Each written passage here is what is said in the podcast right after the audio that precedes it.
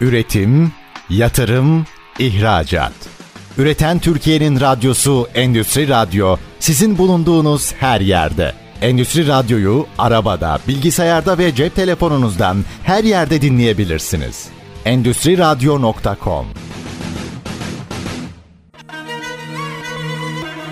Nazlı Sarp'ın hazırlayıp sunduğu Makro'dan Mikro'ya Eko Mercek programı başlıyor.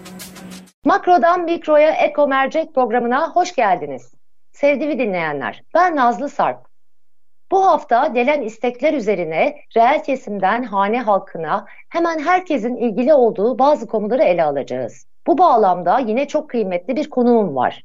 Özellikle borsa, altın ve döviz piyasalarıyla ilgilenenlerin yakından tanıdığı ve tutarlı analizleriyle referans alınan bir isim. Sayın İslam Memiş. Hoş geldiniz efendim. Nasılsınız? Hoş buldum. Yayınlar dilerim. Teşekkürler. İyiyim. Sizler nasılsınız? Çok teşekkürler efendim. İyi yayınlar olsun. Piyasa yorumculuğunun yanında kuyumculuk işiyle de faaliyet gösterdiğinizi biliyoruz. O yüzden sorularıma önce altınla başlayacağım. Tabii ki. Normal koşullarda savaşlar paranın en eski güvenli limanı olan altına ve değerli para birimlerine gitmesini beraberinde getirir. Ancak Rusya ve Ukrayna savaşında bu tam da böyle olmadı. Sıkılaşmaya başlayan küresel merkez bankaları, bilhassa da Fed'in faiz artışları ABD tahvillerindeki yükselişle beraber altını baskıladı. Geldiğimiz noktada ise bu defa ABD 10 yıllıkların %5'e değmesinin değmesine hatta geçmesine karşın altının yukarı yönlü hareketlendiğini gördük. Uzun vadede Kasım sonu ve sene sonu itibariyle sizden altının onsu için bir tahmin beklesem ve büyük olasılıkla bunu senaryolandıracak olsanız İsrail-Hamas çatışmasının boyutuna göre tahmininiz ne olur? Bir de bir ikinci sorum var İslam Bey buna ek olarak. Türkiye'de altın ithalatına yönelik kısıtlama amaca ne kadar hizmet eder? Yani altın talebi üzerinde etkili olur mu? Buyurunuz efendim. Tabii öncelikle ons altın tarafından başlamamız iyi oldu çünkü vatandaşlarımız veya dinleyenlerimiz genelde altın fiyatları konuşulunca sadece gram altın üzerinden durumu analiz ediyorlar. Halbuki ons altın ve gram altın farklı değerlerdir, farklı kazançlar, farklı götürüler sağlayabilir. Ons altın tarafında 1976 dolar seviyesi var. Özellikle İsrail-Hamas savaşından önce 1808 dolar seviyesinde olan bir ons altın vardı karşımızda. Ons altın tarafında gereğinden fazla bir baskılanma 2023 yılında gördük. Tabii konu başlığımız Amerika Merkez Bankası Fed başta olmak üzere merkez bankalarının faiz artırma süreciydi. Ancak 2023 yılında şunu da beraberinde gördük ki küresel enflasyonlar patlak vermiş, beraberinde ciddi anlamda ekonomik belirsizlikler oluşmuş ve beraberinde küresel ekonomiye dair derin belirsizlikler oluşmuştur. Halbuki altının en çok sevdiği bir ortamdır 2023 yılı. Ancak altın fiyatlarında yaşanan bu baskılanmanın nedenlerine baktığımız zaman sadece Amerika Merkez Bankası Fed'in faiz artırımları yeterli değil. Burada piyasaların, küresel piyasaların kontrolünün merkez bankalarına geçtiğini ve merkez bankalarının da enflasyonla mücadele noktasında her türlü enstrümanı istedikleri kadar yönlendirme gibi bir gücünün olduğunda bize göstermiş oldu. Şimdi altın puslu havayı, havayı seven bir e, emtia, değerli bir metal. Enflasyonu sever, savaşı sever, ekonomik belirsizliği sever. Bunlara rağmen ons altın sadece Amerika Merkez Bankası FED başta olmak üzere e, faiz artımlarının devam etmesiyle gereğinden fazla baskı altında kaldığını da gördük ve yıllık getiride ons tarafta fazla bir getirisinin olmadığını hep beraber görmüş olduk. Ons altın tarafında özellikle orta ve uzun vadede her ne kadar teknik ve mantık olarak yukarı yönlü hareketler bekliyor olsak da yine küresel piyasaların merkez bankalarının kontrolünde olduğunu mutlaka akıllarda bulundurmak gerekiyor. Merkez bankaları kontrollü süreci neden başlattı? Çünkü biz enflasyonla mücadele ediyoruz. Enflasyonda belirlediğimiz politikaları e, uygulayacağız ve beklediğimiz enflasyon rakamına ulaşacağız diye bir hedef belirledi herkes. Türkiye Cumhuriyet Merkez Bankası buna dahil. Ancak her geçen gün o bekledikleri enflasyon rakamından uzaklaşmaya başlayan bir merkez bankaları modeli var veya ülke ekonomilerinde enflasyonlar artmaya devam ediyor. Özellikle 2023 yılının yarısından sonra enflasyon tekrar geri gelmesi, tekrar yükseliş trendine girmesi, ons altında da tekrar yavaş yavaş toparlanmayı da gündeme getirdi. 1678 dolar seviyesindeydi ons altın. Bugün 1976 dolar seviyesini konuşuyoruz. Yine 2000 dolar seviyesi üzerinde ataklar göremiyoruz. Çünkü senaryoya baktığımız zaman eğer altın gerçek bir enflasyonu fiyatlamaya başlarsa, gerçek bir savaş ihtimalini fiyatlamaya başlarsa bugün değil 1976 dolar, 2350-2500 dolar seviyelerini konuşabiliriz. Güvenli limandır. Güvenli liman gömleğini tekrar giyer ve hem merkez bankalarının hem dünyada bütün yatırımcıların güvenli liman olarak altını tercih etmesi vazgeçilmez olan bir gerçektir. Ancak dediğim gibi kontrol merkez bankalarında olduğu için ister istemez bu taraf 2023 yılında baskılandı. Yine son 20 günlük sürece baktığımız zaman Ons altın tarafında 1980 dolar seviyesinin üzerinde ataklar gördük. Yine de bu kadar masum sivilin katledilmesine rağmen bu kadar Orta Doğu'daki jeopolitik risklerin farklı ülkelere sıçrama olasılığı güçlenmişken yine de düşük bir fiyatlama içerisinde olduğunu gözlemliyoruz. Burada yine doların, dolar endeksinin uluslararası piyasalardaki değer artışıyla direkt bir etkisinin olduğunu söyleyebilirim. Dolar endeksi 106 seviyesinde piyasa şöyle bir şey bekliyor. Biz Amerika Merkez Bankası'nın yıl sonuna kadar tekrar 25 bas puan faiz artırma olasılığını masada tutmaya devam ediyoruz ve haliyle de altın bu tarafta negatif etkilenir diye stabil bir durum var. Benim 2023 yılında analiz raporum bu yıl en azından 2057 dolar seviyesini görmeden yılı tamamlamayız uyarılarım ve raporlarım vardı. Bu öngörüm halen geçerli. Yıl bitmedi ve önümüzdeki bir buçuk aylık süreç içerisinde yine 2000 dolar seviyesinin üzerinde ataklar görme ihtimalimiz çok kuvvetli. Ancak 2019 dolardan mı geri döner, 2057 dolardan mı geri döner? Bunu önümüzdeki haftalarda veya aylarda net bir şekilde görmüş olacağız. Ama öyle ya da böyle altının teknik olarak 2000 dolar seviyesinin üzerine görmesi gerektiğini şahsen düşünüyorum. Ve büyük bir ihtimalle de 2000 dolar seviyesinin üzerine satış yaptıktan sonra bu pozisyonların yıllık kapanma ihtimalini güçlü olduğunu söyleyebilirim. Biraz daha orta ve uzun vadeye baktığımız zaman özellikle 2024 yılına da baktığımız zaman yine altını pozitif yönde destekleyen faktörler masada durmaya devam edecek. Mesela ülke merkez bankaları önden yüklemeli faiz artırımı yapmışken veya yaparken yine 2024 yılının yarısından sonra faiz indirim sürecine başlayabilir. Kişisel öngörüm ve tahminim bu yönde. Bu altını pozitif yönde destekleyen bir faktördür. Diğer yandan yine enflasyonun bana göre düşme ihtimali yok. Aksine hızlı bir şekilde geri gelme ihtimali var.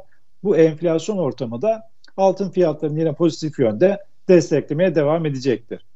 Her ne kadar iki yıl önce ya da bir yıl önce Rusya-Ukrayna savaşına odaklanmışsak, her ne kadar bugünlerde Orta Doğu'daki savaşa odaklanmışsak, ben yine farklı ülkelerdeki jeopolitik risklerin devam edeceğini tahmin ediyorum 2024 yılı içerisinde bu etkenlerde altın fiyatlarını pozitif yönde destekleyen faktörler olduğunu söyleyebilirim. Yine orta ve uzun vadede ons tarafta 2350 devamında 2500 dolar seviyesine kadar bir yükselişin mümkün olma ihtimali yüksek. Diğer yandan merkez bankaları da altın alımlarını artırmaya devam ediyor. Merkez bankalarının fiziki altın talebi de altın fiyatlarının yükselişinde önemli bir etkendir. Yine biz Ekim ayı içerisinde 1808 dolar seviyesini gördük ancak Ekim ayı içerisinde merkez bankalarının da ciddi anlamda fiziki altın alımı yaptığını da rakamsal değerler bize göstermiş oluyor. Muhtemelen yine son bir kez düşüş ihtimali var. 1900 dolar seviyesinin altında 1880 dolar destek seviyesi var. Yine merkez bankaları buradan alım pozisyonlarını artırabilir diye düşünüyorum. Bu ortamda 2024 yılının ortalarına baktığımız zaman 2023 yılının son çeyreğinde hangi merkez bankası ne kadar altın talebinde bulunmuş bunu net bir şekilde önümüzdeki aylarda öğrenmiş olacağız. Kısaca toparlayacak olursak benim kişisel öngörüm yıl sonu için 2000 dolar seviyesinin test etmesi, 2024 yılında da 2350-2500 dolar seviyesine kadar bu yükselişlerini devam ettireceği yönünde. Diğer önemli bir faktör de Türkiye'nin altın ithalatına karşı veya Türkiye'nin altın tarafındaki Hazine Maliye Bakanlığı'nın altın tarafındaki kararlarına dair gelişmeleri de yakından takip etmeyi sürdürüyoruz. Yine altın ithalatında bir kota sınırlaması getirildi. Bu kota sınırlaması geldikten sonra fiziki altın kapalı çarşı piyasasında külçesinde 2000 dolar gibi bir işçilik söz konusu oldu. Bu işçilikler artmaya devam ediyor. Bu farklılıklar artmaya devam ediyor ve kalıcı bir işçilik olduğunu şahsen düşünüyorum. İçeride talebin olduğu ancak altına ulaşamayan bir sektör olduğu için veya sınırlı varlık olduğu için ister istemez işçilikler burada yapıştı kaldı. Serbest piyasalarla resmi kur tarafında yaklaşık 50-60 liralık bir fark olduğunu da söyleyebilirim. O yüzden vatandaşlarımız altın tarafında işlem yaparken internette, televizyonda görmüş oldukları altının gram fiyatıyla kapalı çarşı fiziki tarafta veya kuyumcularda görmüş oldukları gram altının fiyatını birbirinden ayırt etmesi gerektiğini düşünüyorum. Özellikle bu sadece satın alırken değil, bozdururken de dikkat etmeli. Bugün ekranlarda 1780 lira seviyesini gören bir vatandaş tutup elindeki gram altını 1780 lirada satarsa yanlış bir karar vermiş olur. Çünkü fiziki tarafta kapalı çarşı tarafında veya kuyumcularda gram altının bozdurma fiyatı 1830 lira seviyesinde. Burada 50 liralık bir fark oluşumu var. Bozdururken de vatandaşlarımızın dikkat etmesi gerekiyor. Tabii Türkiye Cumhuriyet Merkez Bankası'nın ve Hazine Maliye Bakanlığı'nın veya ekonomi yönetiminin kendi belirlemiş olduğu bir enflasyon hedefi var. Tek haneli bir enflasyon hedefi var. İçerideki ticareti, içerideki hacmi dengelemek için de böyle bir karar aldıklarını söylüyorlar. Özellikle altın talebinde bulunulmasın, altın talebinde bulunmak, altın ithal etmek, döviz ithal etmek gibi bir mantık var. Ve altın talebini sürdüren vatandaşlar da ister istemez bu tarafta yastık altı birikimlerini de artırmış olacak. Bu sürece ekonomi yönetimi çok sıcak bakmadığı için işte kredi musluklarını kapattı. Çeşitli düzenlemeler geldi. Mesela 0.25-0.50 gram altınların bile basımı yasaklandı. Ha bu geçici bir zaman mıdır? Kalıcı bir yasak mıdır? Onu önümüzdeki aylarda göreceğiz. Ancak ithalat tarafındaki kota uygulamasını bu ekonomik zorluk karşısında enflasyonist ortamda veya belirlemiş oldukları politika karşısında normal sayabiliriz. Ancak 0.25 gram altınların 0.50 gram altınların üretilmemesi, yasaklanması gibi bir sürece çok sıcak bakmadığımı, e, bunun yanlış bir karar olduğunu düşünüyorum. Neden? 0.25 gram altınları, 0.50 gram altınları kim alıyor? 1 gram altın alamayanlar alıyor.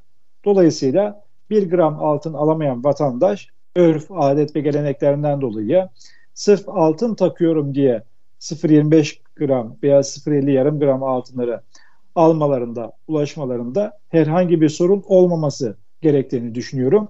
O yüzden bu yanlış bir karardı ve vatandaşları da üzen bir karardı. Bugüne kadar piyasada dolaşan e, yarım gramlar veya 0.25 gram altınlar var. Bugüne kadar basılmış piyasada dolaşan bu yarım gram altınlarda herhangi bir problem yok. Sadece tebliğ tarihinden sonra, iki ay önceki tebliğ tarihinden sonraki üretimler, yeni basınlar yasak olduğu için vatandaş şunu düşünebilir. Benim elimde 0.25 gram altınım var. Benim elimde yarım gram altınım var. Bunu ne yapacağız, satamayacağız mı gibi bir korku, endişe de duyabilir. Böyle bir şeye gerek yok. İstediğiniz gibi elinizdeki 0.25 veya 0.50 gram altınları da gelip istediğiniz kuyumculara bozdurabilirsiniz. Yine bu arada Hazine Maliye Bakanlığı'nın ekonomi yönetiminin altın tarafında yeni enstrümanlar açıklayacağını da belirtmek isterim. Yastık altındaki altınların ekonomiye kazandırılması için de birçok gayret bugüne kadar gösterildi ancak yeterli olmadı. Şimdi yeni çıkacak ürünlerle birlikte altın sahiplerine bakalım neler teklif edecekler, bunun karşılığında nasıl bir sonuç alacaklar bunu da merakla takip edeceğiz.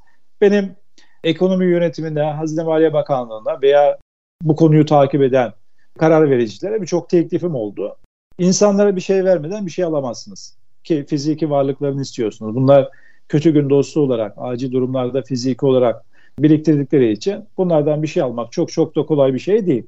Dolayısıyla çeşitli teklifler sunmak gerekiyor. En azından bir faiz getirisi kadar bir getirinin sunulması gerekiyor Tabii burada fiziki verenlerin fiziki alması gibi bir kolaylığı var. Bu avantaj aslında. En azından hırsızlığa karşı vatandaşların buradaki yükü azalmış oluyor. Burada problem yok. Ancak işlenmiş altın 14 ayar, 18 ayar gibi altınların sisteme dahil edilmemesi gibi eksiklikler vardı. Bunun da uygulanmaya mutlaka girmesi gerekiyor. Yine Darphane Genel Müdürlüğü'nün şu anda basınına başladığı reşet altınlar var. Ancak bugüne kadar piyasada dolaşan 21 ayar reşet altınlar da var mesela. Bunlar da sisteme dahil edilmemişti. Bunların da sisteme dahil edilmesi gerekiyor. Ve bu şekilde çeşitli kolaylıklar, çeşitli araçlarla birlikte bu süreç tamamlanabilir, karşılık görebilir. Ama bugünkü ekonomik koşulları göz önünde bulundurduğumuz zaman, bugünkü güven ortamını göz önünde bulundurduğumuz zaman vatandaşların kolay kolay fiziki varlıklarını verme gibi bir düşüncede olacaklarını şahsen düşünmüyorum. Tabii ki burada deprem gerçeği gibi bir hassasiyet var. İnsanlar yastık altı birikimini o yüzden çok istemiyorlar ki 5 Şubat tarihinde yaşanan büyük deprem felaketiyle birlikte insanlar bankalara biraz daha hücum etti. Bankalardan kasa kiraladı veya bankalardaki mevduatlarına altınlarını koydu. Ancak tekrar ekonomik krizler başlayınca, savaşlar tekrar çıkınca bu sefer de tekrar fiziki tarafa geçiş yaptılar. Özellikle yine vatandaşı genelde sanal ortamdan uzaklaştıran, sistemden uzaklaştıran şöyle bir gerçek daha var. Bu da bankaların altın tarafındaki makas aralıkları. Bugün herhangi bir vatandaşımız internet üzerinden altın alımı satımı yaptığı zaman aradaki 60-70 liralık makas aralığını gördüğü zaman buradan hemen kaçıyor, uzaklaşıyor. Çünkü bu insan bir şey alacak. Altını bozacak, ev alacak. Altını bozacak, araba alacak. Altını bozacak, bir ihtiyacını görecek. Ancak serbest piyasalarla banka arasındaki 50-60 liralık bir fiyat farkını görünce de buradan uzaklaşıyor ve birikimler tekrar yastık altına kaçıyor. Burada ekonomi yönetiminin, Hazine Maliye Bakanlığı'nın bu bankaların makas alım satım aralıklarının normalleşmesine uygulayabilirlerse tekrar varlıklar sisteme döner. Bu da bir avantaj. Ama bugünkü makas aralıklarını göz önünde bulundurduğumuz zaman sisteme dönüşlerin biraz daha gecikeceğini söyleyebilirim. Evet, İhsan Bey oldukça kapsamlı ve farklı konulara değindiniz. Ben biraz özetleyecek olursam ilk önce altının onsundan başlayacak olursak yani küresel altın talebinden bir defa sizin teknik analizinize göre mutlaka ki altının şimdiki seviyesinden daha da yükseleceğini hem sene sonu hem de 2024 itibariyle belirtiyorsunuz. Burada altının onsunun önündeki en büyük engelin merkez bankaları ve artan faizler olduğunu belirtiyorsunuz. Bu da enflasyonla mücadeleden kaynaklanıyor haliyle. Ancak 2024 ikinci yarıdan sonra Fed'in faiz indirimlerine başlamasıyla enflasyonun da hala yüksek olacağı tahmininizle beraber altının onsunun da yükselişini sürdüreceğini belirtiyorsunuz ve belli aralıklar veriyorsunuz. Üstelik de bu savaşın kötüye gitmeyeceği olasılığı altında zannediyorum. Diğer bir konuda ülkemizdeki altın talebi olarak ve ülkemizdeki altın talebine yönelik politikalar olarak değerlendirdiniz gayet kapsamlı bir şekilde. Burada ilkinde altın ithalatına getirilen kısıtlamanın etkilerinden söz ettiniz. Diğer taraftan da bir hassa biliyorsunuz ki yastık altındaki e, altınların sisteme kazandırılmasına yönelik bir takım faaliyetlerin olduğu yönünde söylentiler var. Bununla da ilgili olarak sizin çeşitli önerilerinizin olduğunu, insanların bu şekilde bu sisteme güvenebilmeleri için bilhassa bir faiz getirisi elde edebilmelerini yani reel getiri elde etmeleri gerektiğini ifade ettiniz. Keza şu çok dikkatimi çekti konuşmalarınız arasında. Örneğin bankalarla kapalı çarşı arasındaki fiyat farklılığı. Örneğin şu anda gittiklerinde kapalı çarşıda daha yüksekten altınlarını bozdurabiliyorlar. Buradan da anlıyoruz ki gerçekten altının bir yükseliş eğilimi söz konusu. Yani altının daha gidecek yolu var. Doğru mudur? Doğru. Peki efendim. O zaman izninizle şimdi bir reklam arası verelim. İkinci bölümde de tekrar sorularımıza devam edelim. Görüşmek üzere sevgili dinleyenler. Üretim, Yatırım, ihracat.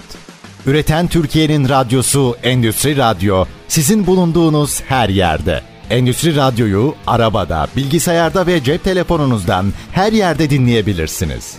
Endüstri Radyo.com Makrodan Mikro'ya Eko Mercek programına tekrar hoş geldiniz sevgili dinleyenler. Tekrar bir özet yapacak olursam ve diğer bazı emtialara da değinirsem, Altın son birkaç yıldır belirli bir aralıkta kalarak yatırımcısını üzdü. Burada en büyük etmen merkez bankaları oldu denilebilir. İslam Bey ons altının fiyatının bu yıl sonu 2000 doların üzerini test edeceğini, 2024 yılında da 2350 ve 2500 dolara kadar gelmesini bekliyor. Elbette jeopolitik gerilimin sürmesi, enflasyonun yüksek kalması, diğer taraftan FED gibi küresel merkez bankalarının tutumu özellikle güvenli limana kaçış algısıyla altında belirleyici olacak. Diğer taraftan biliyoruz ki merkez bankalarının altın rezervleri ve geleneksel altın kullanımı da bu değerli metalin fiyatlamasında önemli bir faktör. Endüstriyel metallere bakıldığında ise resesyon endişelerinden ötürü aşağı yönlü bir baskı altında oldukları söylenebilir. Burada öne çıkan iki metal var. Özellikle Çin'deki büyüme beklentimin üzerinde gerçekleşirse alım fırsatı yaratabilirler. İlki yenilenebilir enerji ve elektrikli otomobillerde kullanılan bakır. Bu metalin üretiminde de çeşitli sıkıntılar olduğunu biliyorum. Talebi ise yeni ekonominin yani teknoloji yoğun üretimin gereklerine uygun şekillenecek gibi duruyor. Bir diğeri ise ağırlıklı olarak Çin'in emlak sektöründeki krizi nedeniyle örselenmiş olan demir cevheri. Bu ürünün de Çin'in emtia sektörüne dayalı teşvikleri arttırması halinde prim yapması kuvvetle muhtemel. Petrolde ise hem arz hem de talebe yönelik endişeler savaşın bölgede kalacağı senaryosu altında fiyatları belirleyecek gibi gözüküyor. Resesyon endişeleri ve yine Çin'in petrol talebi fiyatı aşağı çekerken Suudi Arabistan ve Rusya'nın arzı kısması kendi içinde volatil bir fiyatlama yaratıyor. Savaşın genişlemesi halinde ise Brent petrolün varilinde 150 dolara kadar giden bir fiyat öngörüsü yapılıyor ki bu da dünyaya stagflasyon riskini musallat edebilir. İkinci sorumla devam edecek olursam, İslam Bey. Borsa İstanbul son iki yıldır hem yüksek enflasyon hem de reel getiri sağlamak adına oldukça iyi bir performans sergiledi. Ancak özellikle bu yılın Ekim ayından itibaren hem faizin mevduat tarafında bir alternatif oluşturması hem de çoğunluğu yerli ve kredili yatırımcının varlığı nedeniyle düzeltmeler bekleniliyordu. Ancak Ekim ayında 3. çeyrek bilançoları beklentiler dahilinde gelmesine karşın İsrail-Hamas savaşının gölgesinde kalan bir borsa gördük. Kasım'ın ilk haftasında da karşımızda hacmi oldukça düşmüş volatil bir borsa var. Borsada beklentiler Kasım ayı ve sene sonu için ne olur sizce? Diğer taraftan borsanın hikayesi bana göre yabancı portföy yatırımlarının gelmesine bağlıydı. Sizce buna uygun bir küresel ortam var mı? Bu konuda neler düşünüyorsunuz? Buyurunuz efendim. İlk önce borsa tarafında işlem yapan yatırımcılarımızın mutlaka bir yatırımcı olması gerekiyor. Borsa tarafı bir oyun piyasası değil, bir yatırım piyasasıdır ve uzun vadede ciddi getiri sağlayan, küçük miktarlarla giriş yapanlara bile ciddi miktarlar kazandıran bir piyasadır. Özellikle Ekim ayının 15'ine dikkat çekerek bu ayki analiz raporumda beni yakından tanıyanlar çok iyi bilir. Ekim'in 15'inden sonra borsada sert düzeltmelere hazır olun. Özellikle 8490 puandan çıkış yapıp 7500 puana kadar beklersiniz. Özellikle 8490 puandan çıkış yapanlar altınlarını altın ve gümüşte değerlendirirse iyi bir karar verir uyarılarım vardı. Nihayetinde geçen hafta bu beklediğimiz 7500 puan seviyesinin altındaki rakamlar test edildi. Geçen hafta 7510 puandan tamamladı. Yine kademeli alım ve kademeli satım noktasında yatırımcıların iyi karar vermesi gerekiyor. Satış yapanlar da kademeli satış yapması gerekiyor. Alım yapanlar da kademeli bir şekilde alım yapması gerekiyor. Yine 7510 puan seviyesinden yatırımcısına orta ve uzun vadeli bekleyebileceksiniz. En az bu piyasada 6 ay sabırla bekleyebileceksiniz. %50 altın alım yapabilirsiniz. Ancak diğer %50'si için de beklenmesi gerekiyor. Yine Ekim ayı içerisinde öngördüm. 7500 puan seviyesinin altında sarkmalar, 7290 devamında 7150 puan ihlal etmiş alanlar var. Teknik olarak endeks tarafında 7500 puan seviyesinin altında bu rakamları bekliyor olacağım. Yeni pozisyonlar için de bu rakamlar gelmeden %50 alımımı tamamlayamayacağım. Söylemlerim vardı. Bu söylemlerim, bu öngörülerim halen geçerli. Borsa İstanbul Yüz Endeksi şu anda 7710 puan seviyesinde. %3.59 satıcılı. Az önce telaffuz ettiğim rakamlar gelebilir ve bu güçlü bir ihtimal dahilinde. Özellikle 7000 puan seviyesinin altında kısaltmaları çok kalıcı olmayacağını ben tahmin ediyorum. Orta ve uzun vadede yatırımların borsa tarafında 2024 yılı itibariyle 10.000 puan, 15.000 puan aralığında test edilme olasılığı çok güçlü. Kişisel tahminim bu yönde. 2024 yılında Borsa İstanbul 100 endeksinde 11.000 puan seviyesinin üzerinde ataklar görürsek bu şaşırtıcı olmamalı. Özellikle borsamızdaki yatırımcı portföyüne baktığımız zaman %65'i yerli, %35'i yabancı. Yani burada yabancıların da daha sisteme çok entegre olmadığı, çok gelmediği görülüyor ve bilinmekte. Dolayısıyla yabancı taraftaki girişler hızlandığı zaman borsadaki yabancı payının biraz daha artacağını ve özellikle yukarı yönlü hareketlerin yabancı girişlerini de hızlandıracağını düşünüyorum. Özellikle yabancı yatırımcı şu anda dolar kuru 28 lira seviyesinin üzerinde muhtemelen 30 lira seviyesini ve üzerindeki rakamları bekliyorlar. Dolar kuru 30 lira seviyesinin üzerinde yerleşmedikçe yabancı tarafında girişler hızlanmaz diye ben tahmin ediyorum.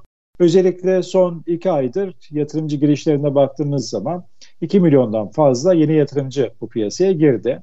Yaklaşık 7,5 milyon civarında bir yatırımcıdan bahsediyoruz. Tabii yaş ortalamasına baktığımız zaman da çoğu gençlerden son giriş yapanlar özellikle risk dağılımı burada önemli. Karşımızda genç bir nesil var. Kısa vadeli oyun piyasası olarak görüyorlar. Yüzde biri belki uzun vadeli bir yatırım piyasası olarak görüyor.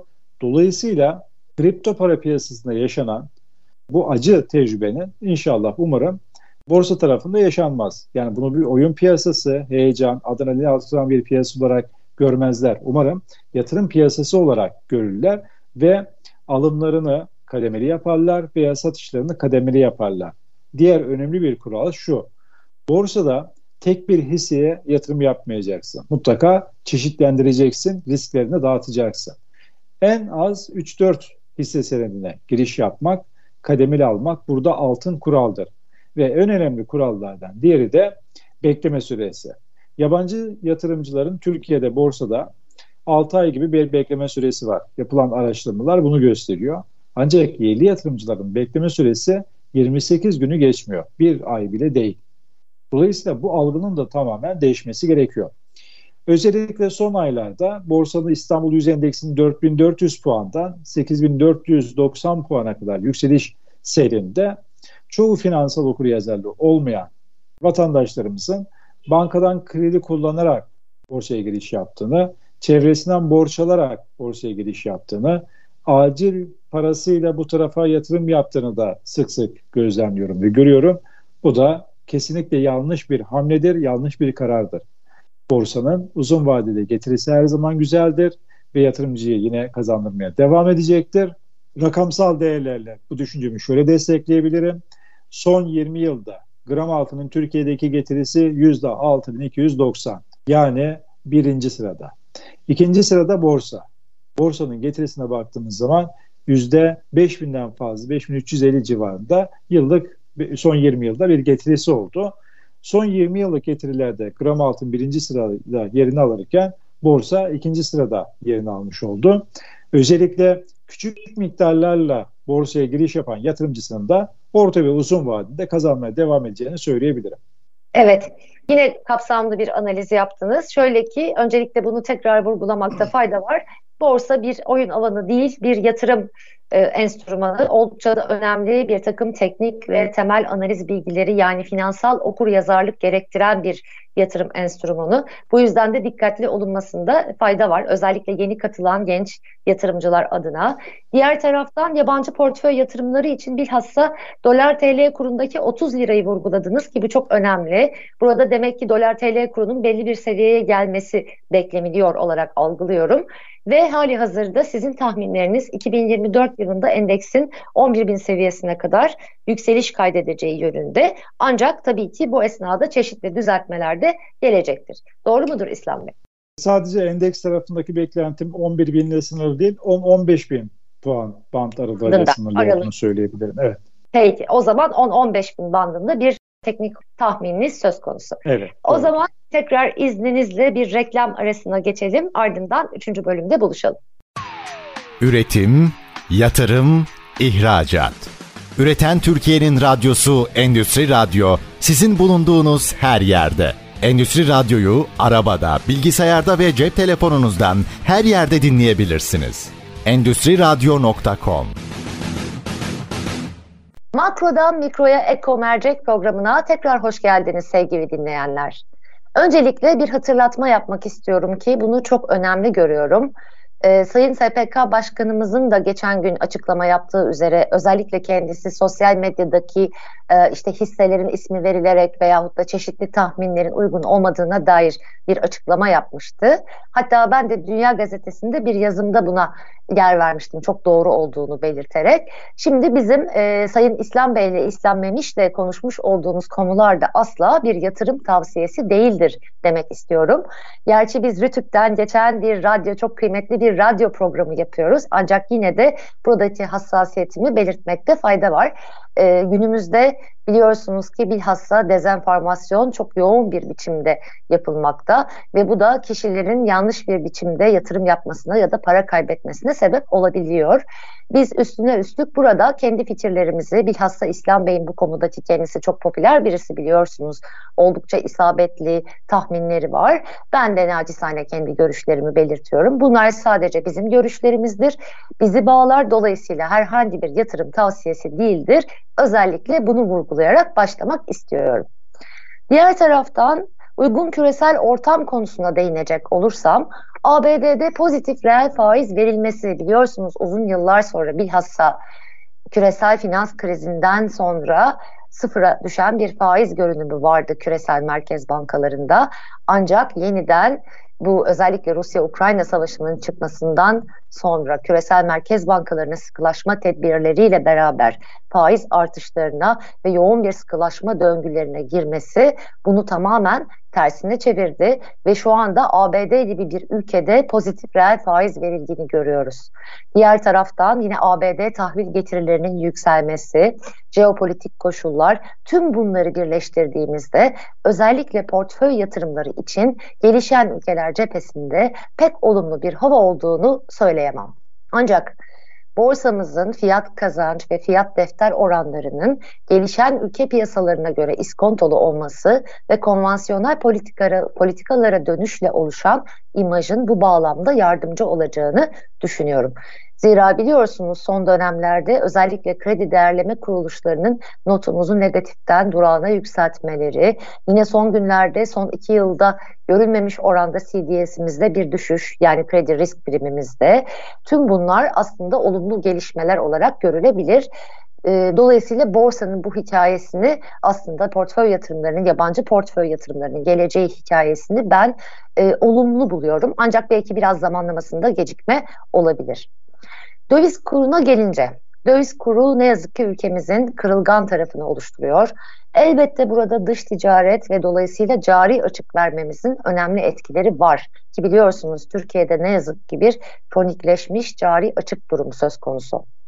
Diğer taraftan kurun enflasyona geçişkenliği de ithal bağımlılıklarımız nedeniyle bilhassa enerji gibi arz kaynaklı krizlerde önemli düzeyde artıyor. Keza bunu biz 2022 yılında görmeye başladık. Ee, özellikle enerji fiyatlarının artması pek çok faktöründe fiyatının artmasını beraberinde getirdi. Ee, örneğin FAO küresel gıda fiyatları düşüş kaydetmesine karşın ülkemizde hem üretim hem de gıda tedariğinde kullanılan mazot girdisi nedeniyle gıda fiyatlarımız etkilenebiliyor.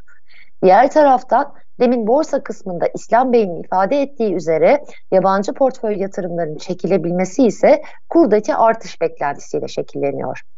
Yine ihracatçılarımızın fiyat rekabeti yapabilmesi kur artışlarıyla mümkün olabiliyor. Ki düşünün esasında bu ihracatta özellikle sürdürülebilir bir nokta değil. Ancak ne yazık ki verimsiz, emek yoğun, düşük teknolojili üretim yapan şirketler yurt dışında rekabet edebilmek için ne yazık ki yüksek kuru, kura ihtiyaç duyuyor. Dolayısıyla kur ve enflasyon sarmalından çıkış çeşitli yapısal reformlar hayata geçirilmedikçe mümkün değil gibi gözüküyor. İşte bu yapısal reform, yapısal reform diye sürekli aslında tekrarladığımız şey öyle bir anda kısa sürede gerçekleşebilecek bir olay da değil. Bu aslında orta ve uzun vadede gerçekleşebilecek bir süreç.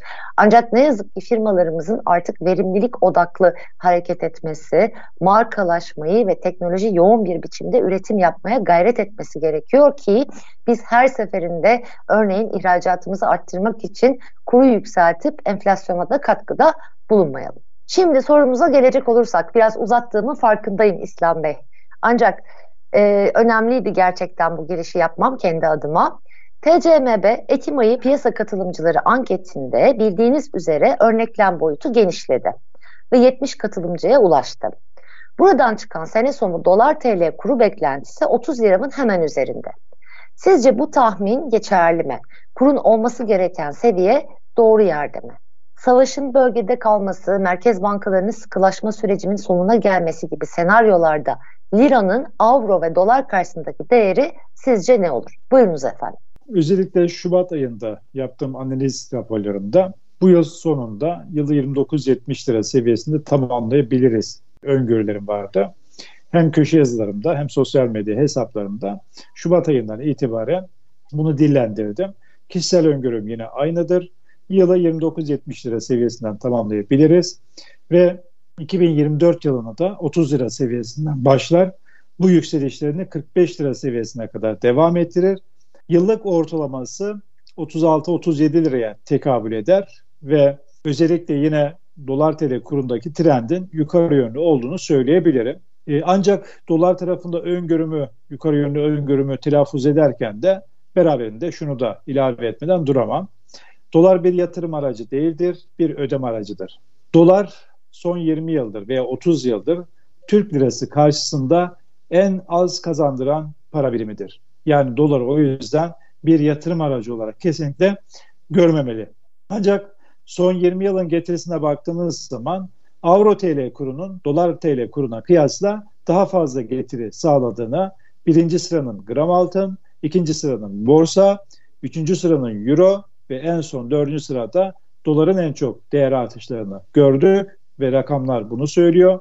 Bu yıl da aynı şekilde her ne kadar dolar dolar dolar konuşulsa da yıllık getiride yine gram altın birinci, borsa ikinci, ve bu şekilde olayları değerlendirmek lazım. Dolar tarafını bir yatırım aracı olarak görmemek gerekiyor. Dolar bir ödeme aracı olduğundan dolayı dövizle ticaret yapan, dövizle borçlanmış veya döviz ihtiyacı olanların da bu rakamsal değerleri mutlaka göz önüne bulundurması gerekiyor. Veya dolar maliyetiyle ürün satan kişilerin veya ürün alacak kişilerin de önümüzdeki yıl 45 lira seviyesine tekrar göz önünde bulundurması gerekiyor.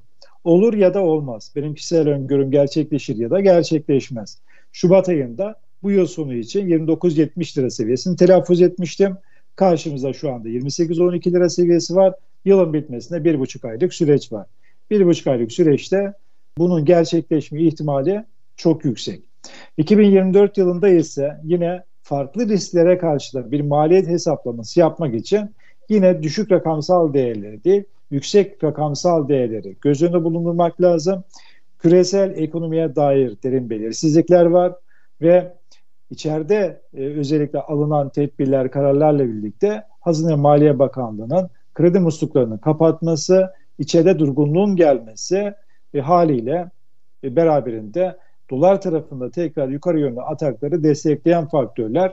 Dolar uluslararası piyasalarda değer kaybederken yurt içi piyasalarda değer artışlarını ben devam edeceğini tahmin ediyorum. Dolarda zirve seviyesi olarak önümüzdeki yıl 45 lira seviyesini takip edeceğim. Yıllık ortalama maliyetini 36.80, 37 gibi takip edeceğim. Aşağı yönlü hareketler olabilir. Özellikle Türkiye Cumhuriyet Merkez Bankası'nın faizleri artırım sürecinde olması ve faiz artırımlarından sonra gerileyen bir dolar kuru düşüşler kalıcı olmayacağını Hatta aksine bir alım fırsatı sunacağını söylüyorum. Dolar tarafındaki yön yukarı, yukarı yönlü hareketler devam edecektir. Muhtemelen yılı 29.70 lira seviyesinden tamamlayabiliriz. Ama önümüzdeki yıl biraz daha çetin geçebilir bu yıla kıyasla ve her geçen yıl küresel ekonomilere dair belirsizlikler arttığı için jeopolitik riskler arttığı için de biz dolar tarafındaki pozitif beklentimin devam ettiğini söyleyebilirim. Evet, gayet güzel özetlediniz. Özellikle sene sonu için siz 30 liranın da altında bir dolar TL kuru bekliyorsunuz. Ancak önümüzdeki sene 2024 senesi için jeopolitik risklerle beraber yine ekonomideki durgunluk riskinin ne yazık ki doları yukarı yönlü bir şekilde hareketlendireceğini ve bu yüzden de oluşacak durgunlukla dolar TL kurumunda yukarı gideceğini belirtiyorsunuz. Burada siz de çok güzel vurguladınız. Tekrar edelim. Esasında dolar bir yatırım aracı değildir, bir para birimidir ve Uzun vadede getirilere baktığımızda da başlangıçta altın, ardından borsa, diğer tarafta euro ve en sonrasında doların aslında getiri sağladığını görüyoruz. Sadece burada dolar TL kuru bütçe yapanlar için açıkçası kur riski alan firmalarda veya dövizli borçlanan firmalarda önem arz etmektedir. Hani bütçelerini ona göre yapmaları açısından. Onun haricinde kesinlikle dolarda, euroda yani TL dışında herhangi bir para birimi bir yatırım aracı değildir. Doğru mudur İslam Bey? Doğrudur. Peki efendim. O zaman çok teşekkür ediyorum size ben de değerli bilgileriniz ve yorumlarınız için. Sevgili dinleyenler bu haftaki programımızı da sona erdirdik. Bir dahaki haftaya tekrar görüşmek üzere saygılarımla.